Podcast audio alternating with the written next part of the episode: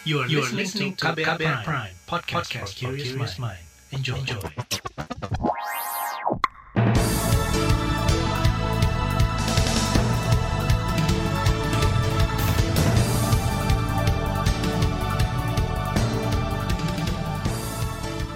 Selamat pagi saudara, senang sekali kami bisa menjumpai Anda melalui program Buletin Pagi edisi Jumat 6 Januari 2023.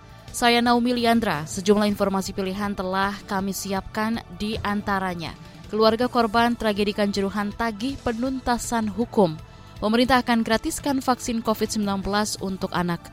Istri aktivis Wiji Tukul meninggal. Inilah Buletin Pagi selengkapnya. Terbaru di Buletin Pagi. Sejumlah keluarga korban tragedi Kanjuruhan dan supporter klub sepak bola Arema atau Aremania meminta Presiden Joko Widodo mendorong penuntasan proses hukum kasus Kanjuruhan. Mereka kemarin ditemui Kepala Staf Kepresidenan Muldoko. Devi Atok, orang tua korban, menagih keseriusan Presiden Jokowi dalam memberikan rasa keadilan kepada para korban. Saya tadi bilang ke Pak Muldoko, tolong sampaikan dan saya menagih janji kepada Pak Jokowi yang mau membantu menghukum para pelaku-pelaku pembunuhan terutama anak saya dan khususnya Aremania yang ada di Kanjuruan. Semoga ini segera bisa dihukum seberat-beratnya dan mereka bisa mempertanggungjawabkan perbuatan mereka yang telah membunuh saudara-saudara saya Aremania yang ada di Kanjuruan dan terutama anak saya. Itu tadi orang tua korban tragedi Kanjuruhan Devi Atok. Ketua Tim Advokasi Tragedi Kanjuruhan Imam Hidayat meminta Presiden Jokowi membentuk tim penyidik independen untuk mengusut kasus itu. Tim ini, kata dia, bisa dibentuk dengan payung hukum peraturan pemerintah pengganti undang-undang atau perpu. 135 nyawa hanya didakwa dengan 35 semingal karena kealpaannya menyebabkan orang mati. Makanya kita mohon kepada Pak Muldoko, kepada Pak Presiden Jokowi, tolonglah terbitkan perpu penyidik independen di luar Polri karena Polri sudah tidak objektif. Ya sudah banyak kepentingan. Mas Mas Joko bilang tadi laporan model B kita biasa kalau keluar LP itu langsung penyidikan. Ini kembali lagi ke penyelidikan. Ini ada apa? Ketua Tim Advokasi Tragedi Kanjuruhan Imam Hidayat sanksi dengan keseriusan penegak menuntaskan kasus yang menewaskan 135 orang ini. Menanggapi permintaan ini, Kepala Staf Kepresidenan Muldoko berjanji segera mengundang Kejaksaan Agung dan Kepolisian. Kata dia, pemerintah juga akan menggelar rapat koordinasi terkait kelanjutan proses peradilan tragedi Kanjuruhan.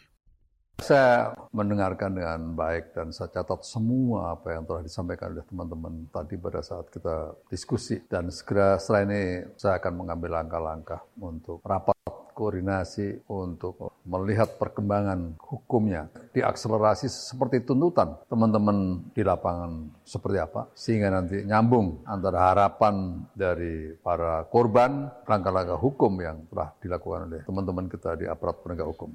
Meski begitu, Kepala Staf Kepresidenan Muldoko belum merespon permintaan pembentukan tim penyidik independen di luar Polri.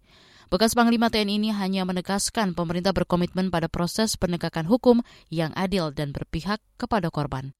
Saudara, desakan penuntasan kasus hukum Kanjuruhan juga disuarakan komunitas pecinta sepak bola Save Our Soccer. Koordinator Save Our Soccer, Akmal Marhali, turut mendorong pembentukan tim penyidik independen untuk mempercepat penuntasan kasus. Saat ini hanya lima dari enam tersangka yang berkasnya dinyatakan lengkap oleh kepolisian.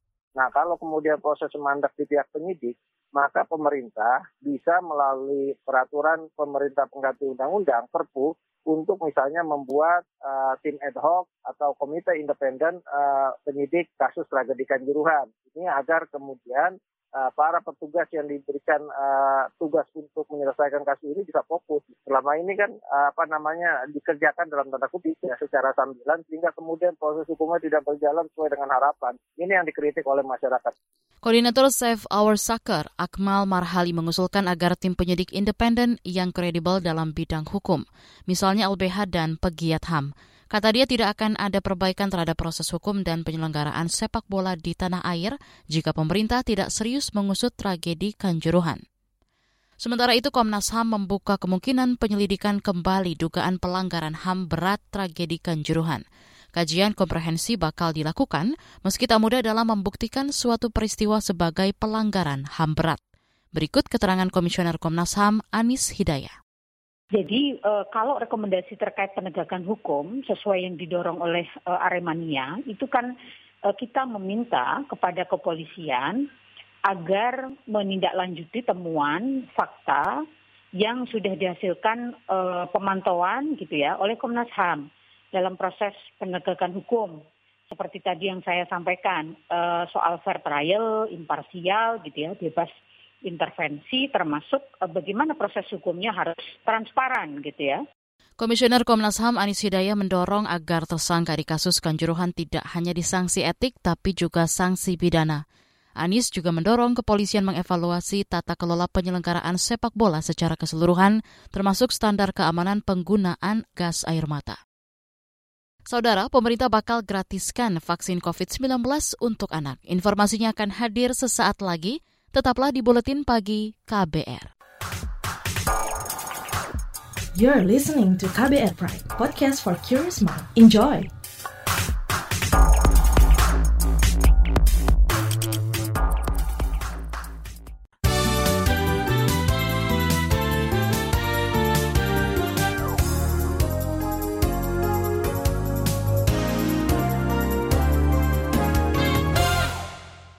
Saudara Presiden Joko Widodo menyatakan ketersediaan air baku menjadi masalah di hampir semua daerah.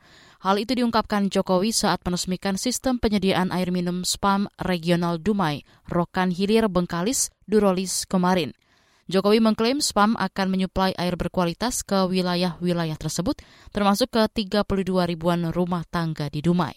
Saat ini pengembangan pertama kapasitas air spam Durolis masih sebanyak 400 liter per detik dari rencana 1.500 liter per detik. Kita harapkan dengan dibangunnya spam ini kualitas air minum yang dimanfaatkan oleh masyarakat jadi baik juga akan mengurangi banyak hal seperti stunting, mungkin penyakit-penyakit tertentu yang sebelumnya airnya tidak diolah terlebih dahulu. Saya kira di semua provinsi membutuhkan spam-spam seperti ini. Itu tadi Presiden Jokowi. Sementara itu Kepala UPT Spam Rokan Hilir Zulkarnain berharap Spam Dumai Rokan Hilir Bengkalis bisa memenuhi kebutuhan air bersih masyarakat. Pemerintah akan menggratiskan vaksin COVID-19 untuk anak usia 6 bulan sampai 11 tahun.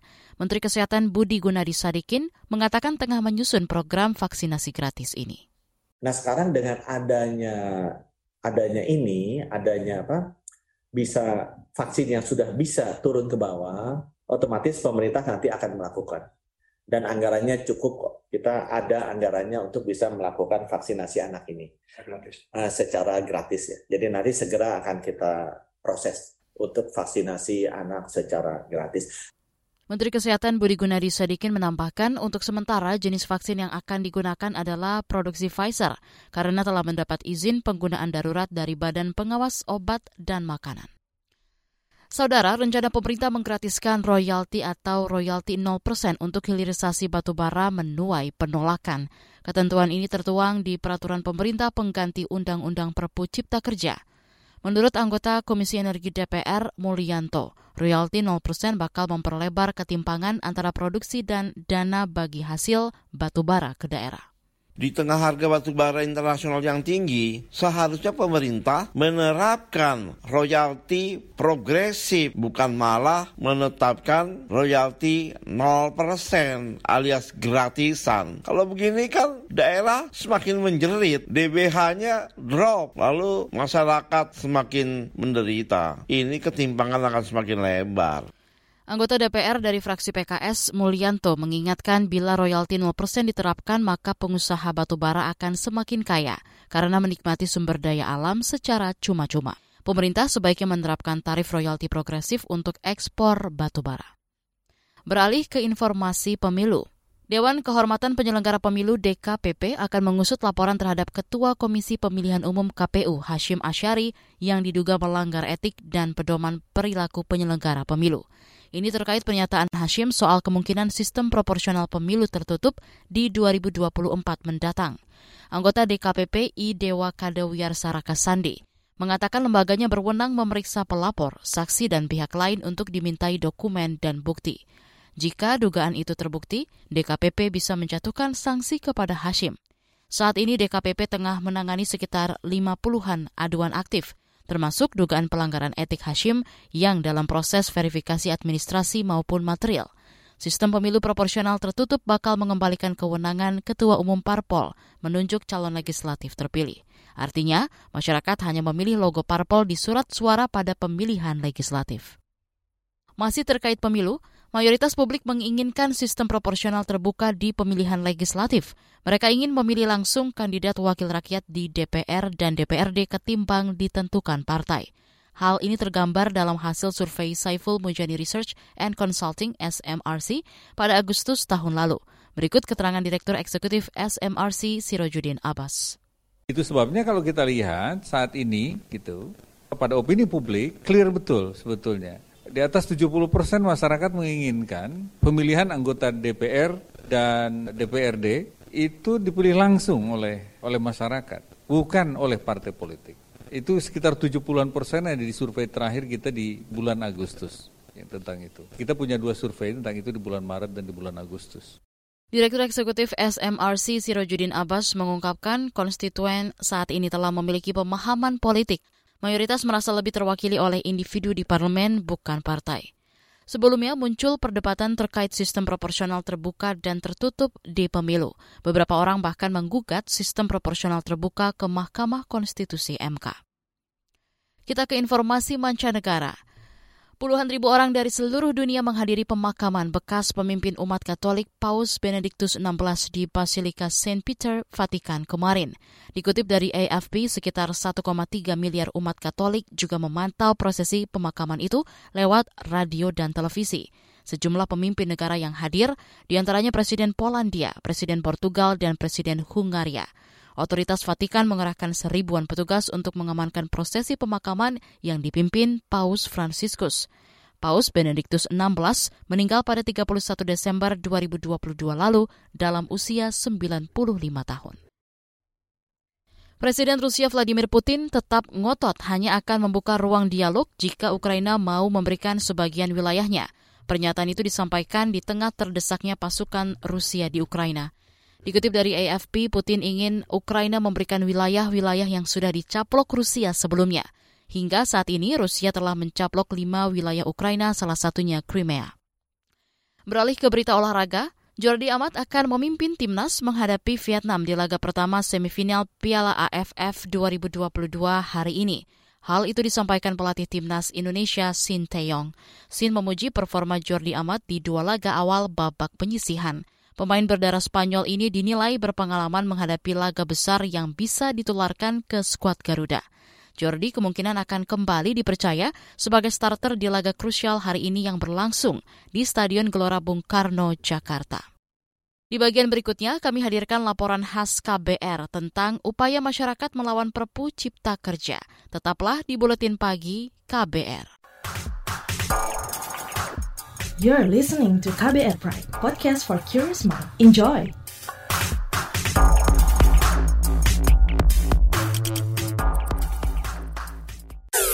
Commercial break.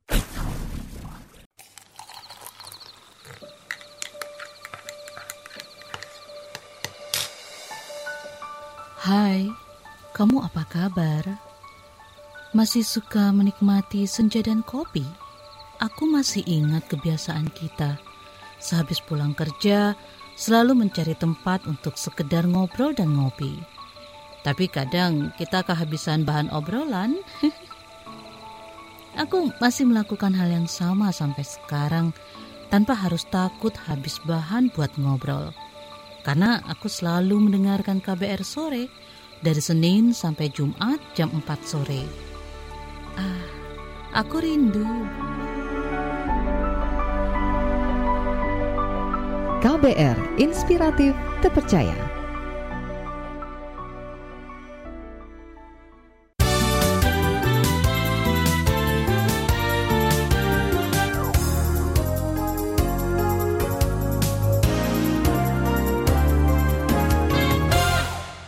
Anda masih bersama kami di Buletin Pagi KBR. Keputusan Presiden Joko Widodo mengeluarkan peraturan pemerintah pengganti undang-undang atau Perpu tentang Cipta Kerja mendapat penolakan dari berbagai pihak. Mereka pun menempuh berbagai langkah untuk melawan Perpu Cipta Kerja. Selengkapnya kita simak laporan khas KBR yang disusun jurnalis Heru Haitami. Presiden Joko Widodo menerbitkan peraturan pemerintah pengganti undang-undang atau Perpu tentang Cipta Kerja pada 30 Desember lalu. Jokowi beralasan perekonomian Indonesia walaupun terlihat normal namun masih dibayangi ketidakpastian global. Itu juga yang menjadi alasan ia menerbitkan Perpu nomor 2 tahun 2022 tentang Cipta Kerja itu. Sebetulnya dunia ini tidak sedang baik-baik saja. Ancaman-ancaman resiko ketidakpastian itulah yang menyebabkan kita mengeluarkan perpu karena itu untuk memberikan kepastian hukum, kekosongan hukum yang dalam persepsi para investor baik dalam maupun luar. Sebetulnya itu yang yang paling paling penting karena uh, ekonomi kita ini di 2023 akan sangat tergantung pada investasi dan ekspor. Menteri Koordinator Bidang Politik, Hukum, dan Keamanan Mahfud MD mengklaim alasan mendesak yang digunakan untuk menerbitkan Perpu itu sudah sesuai putusan Mahkamah Konstitusi. Yang waktu itu saya sebagai Ketua MK menandatangani, eh, alasan keluar, dikeluarkannya Perpu itu ya pertama karena ada kebutuhan yang mendesak, kegentingan memaksa untuk bisa menyelesaikan masalah hukum secara cepat dengan undang-undang tetapi undang-undang yang dibutuhkan untuk itu belum ada atau sehingga terjadi kekosongan hukum. Mahfud mengklaim pemerintah harus mengambil langkah strategis yang cepat. Jika menunggu berakhirnya tenggat MK akhir tahun depan, pemerintah akan ketinggalan untuk mengantisipasi dan menyelamatkan situasi dalam negeri. Oleh sebab itu, langkah strategis diperlukan dan untuk memenuhi syarat langkah strategis bisa dilakukan, maka Perpu ini harus dikeluarkan lebih dulu. Itulah sebabnya kemudian eh, hari ini tanggal 30 Desember tahun 2022 Presiden sudah menandatangani Perpu nomor 2 tahun 2022 tentang Cipta Kerja. Namun alasan pemerintah itu sulit diterima sejumlah pihak. Pakar Hukum Tata Negara dari Universitas Pajajaran, Susi Dwi Haryanti menilai, alasan gejolak ekonomi global itu tidak memenuhi syarat penerbitan Perpu yaitu kondisi kegentingan yang memaksa ancaman itu sudah ada di depan mata. Bukan ancaman yang masih dikira-kira masih diduga-duga. Apalagi kalau mengatakan bahwa akibat perang Rusia, Ukraina, dan lain sebagainya itu too remote menurut saya, terlalu jauh. Jadi apakah betul bahwa ancaman perang Rusia, Ukraina itu sudah menimbulkan satu situasi yang kita sebut sebagai kegentingan yang memaksa. Susi Dwi Haryanti menyebut upaya yang bisa dilakukan masyarakat untuk menolak perpu ini adalah dengan menggugat ke Mahkamah Konstitusi. Menurut Susi, masyarakat bisa menjadikan ketidakpatuhan Presiden terhadap putusan MK terkait Undang-Undang Cipta Kerja sebagai dasar gugatan. Pada putusan Mahkamah Konstitusi akhir 2021, pemerintah berkewajiban melakukan perbaikan Undang-Undang Cipta Kerja secara bermakna dengan melibatkan masyarakat. Sementara, kata Susi, penerbitan Perpu merupakan hak konstitusional Presiden yang tidak bisa dicampuri siapa pun. Namun perintah MK yang selanjutnya yaitu melakukan perbaikan guna mem guna memenuhi cara atau metode yang pasti, baku dan standar serta keterpenuhan asas-asas pembentukan undang-undang khususnya berkenaan dengan asas keterbukaan harus menyertakan partisipasi masyarakat yang maksimal dan lebih bermakna yang merupakan pengejawantahan perintah konstitusi pada pasal 22A Undang-Undang Dasar 1945 menurut saya tidak dilaksanakan. Selain itu, Susi menjelaskan parlemen juga memiliki kewenangan menolak Perpu, sebab Perpu harus melewati persetujuan DPR pada masa sidang berikutnya. Sejumlah pihak pun mengajukan gugatan Perpu itu ke Mahkamah Konstitusi pekan ini, mulai dari mahasiswa, dosen hingga LSM untuk melakukan gugatan ke MK. Koordinator Advokasi Migran Care Siti Badriah mengatakan, uji formil diajukan lantaran Perpu Cipta Kerja memperlihatkan pembangkangan pemerintah terhadap konstitusi kan artinya pemerintah tidak mematuhi putusan MK, bahkan dengan arogan mengeluarkan perpu itu. Bahwa Undang-Undang Cipta Kerja itu kan udah uh, catat formil karena tidak apa melibatkan masyarakat sipil dalam pembahasannya begitu kan. Kemudian juga metodenya yang tidak ada dalam pembentukan perundang-undangan kita. Ini mestinya dibatalkan ya oleh MK Karena kalau tidak nanti akan dibahas di DPR dan akan menjadi undang-undang dan ini melecehkan MK yang waktu itu uh, memutus Undang-Undang Cipta Kerja sebagai inkonstitusional bersyarat. Sejumlah pihak lain juga turut dalam daftar penggugat Perpu Cipta Kerja, di antaranya dosen dan konsultan hukum kesehatan Hasrul Buamona, konsultan hukum para anak buah kapal Harseto Setiadi Raja, bekas anak buah kapal buruh migran Jati Puji Santoso, serta sejumlah mahasiswa. Saudara, laporan ini disusun Heru Hetami, saya Reski Mesanto. Informasi dari berbagai daerah akan hadir usai jeda. Tetaplah bersama Buletin Pagi KBR. You're listening to KBR Pride, podcast for curious mind. Enjoy!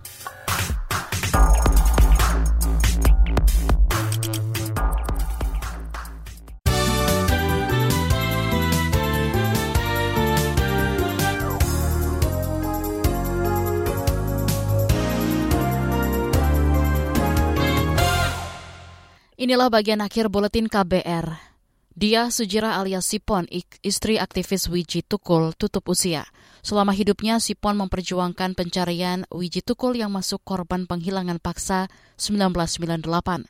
Laporan selengkapnya disampaikan jurnalis KBR Yuda Satriawan. Istri aktivis dan penyair Wiji Tukul, Dia Sujira yang akrab disapa dengan sebutan Sipon, meninggal dunia di usia 55 tahun Kamis siang. Kakak istri Wiji Tukul, Sarijo, saat ditemui di rumah duka mengatakan selama beberapa hari ini kondisi adiknya itu terus menurun karena sakit.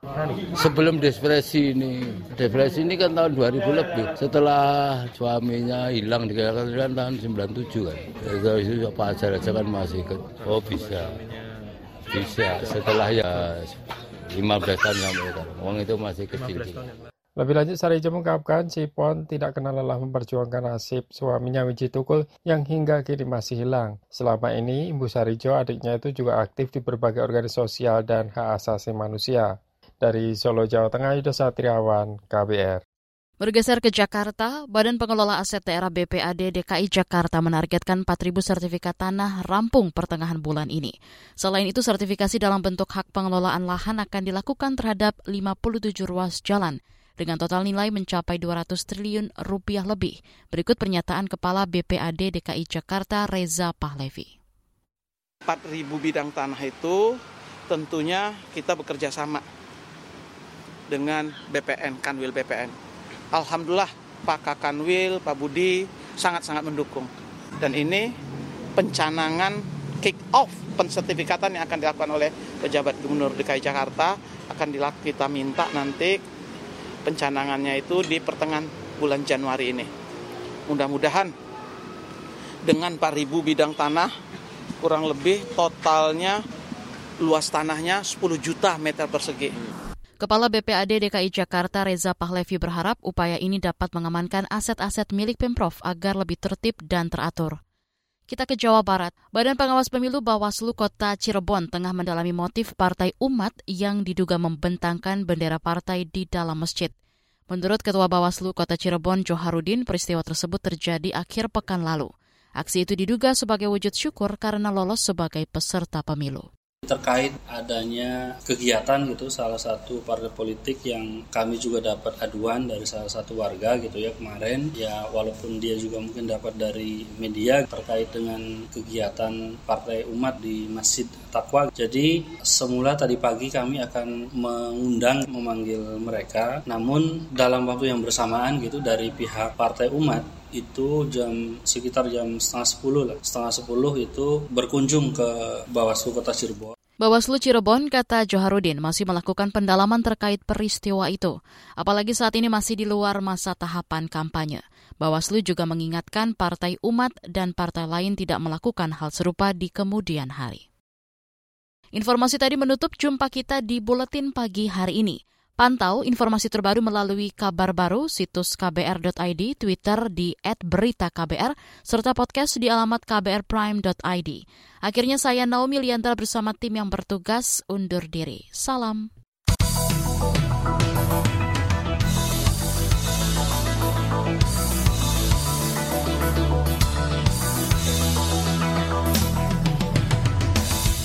KBR Prime, cara asik mendengar berita.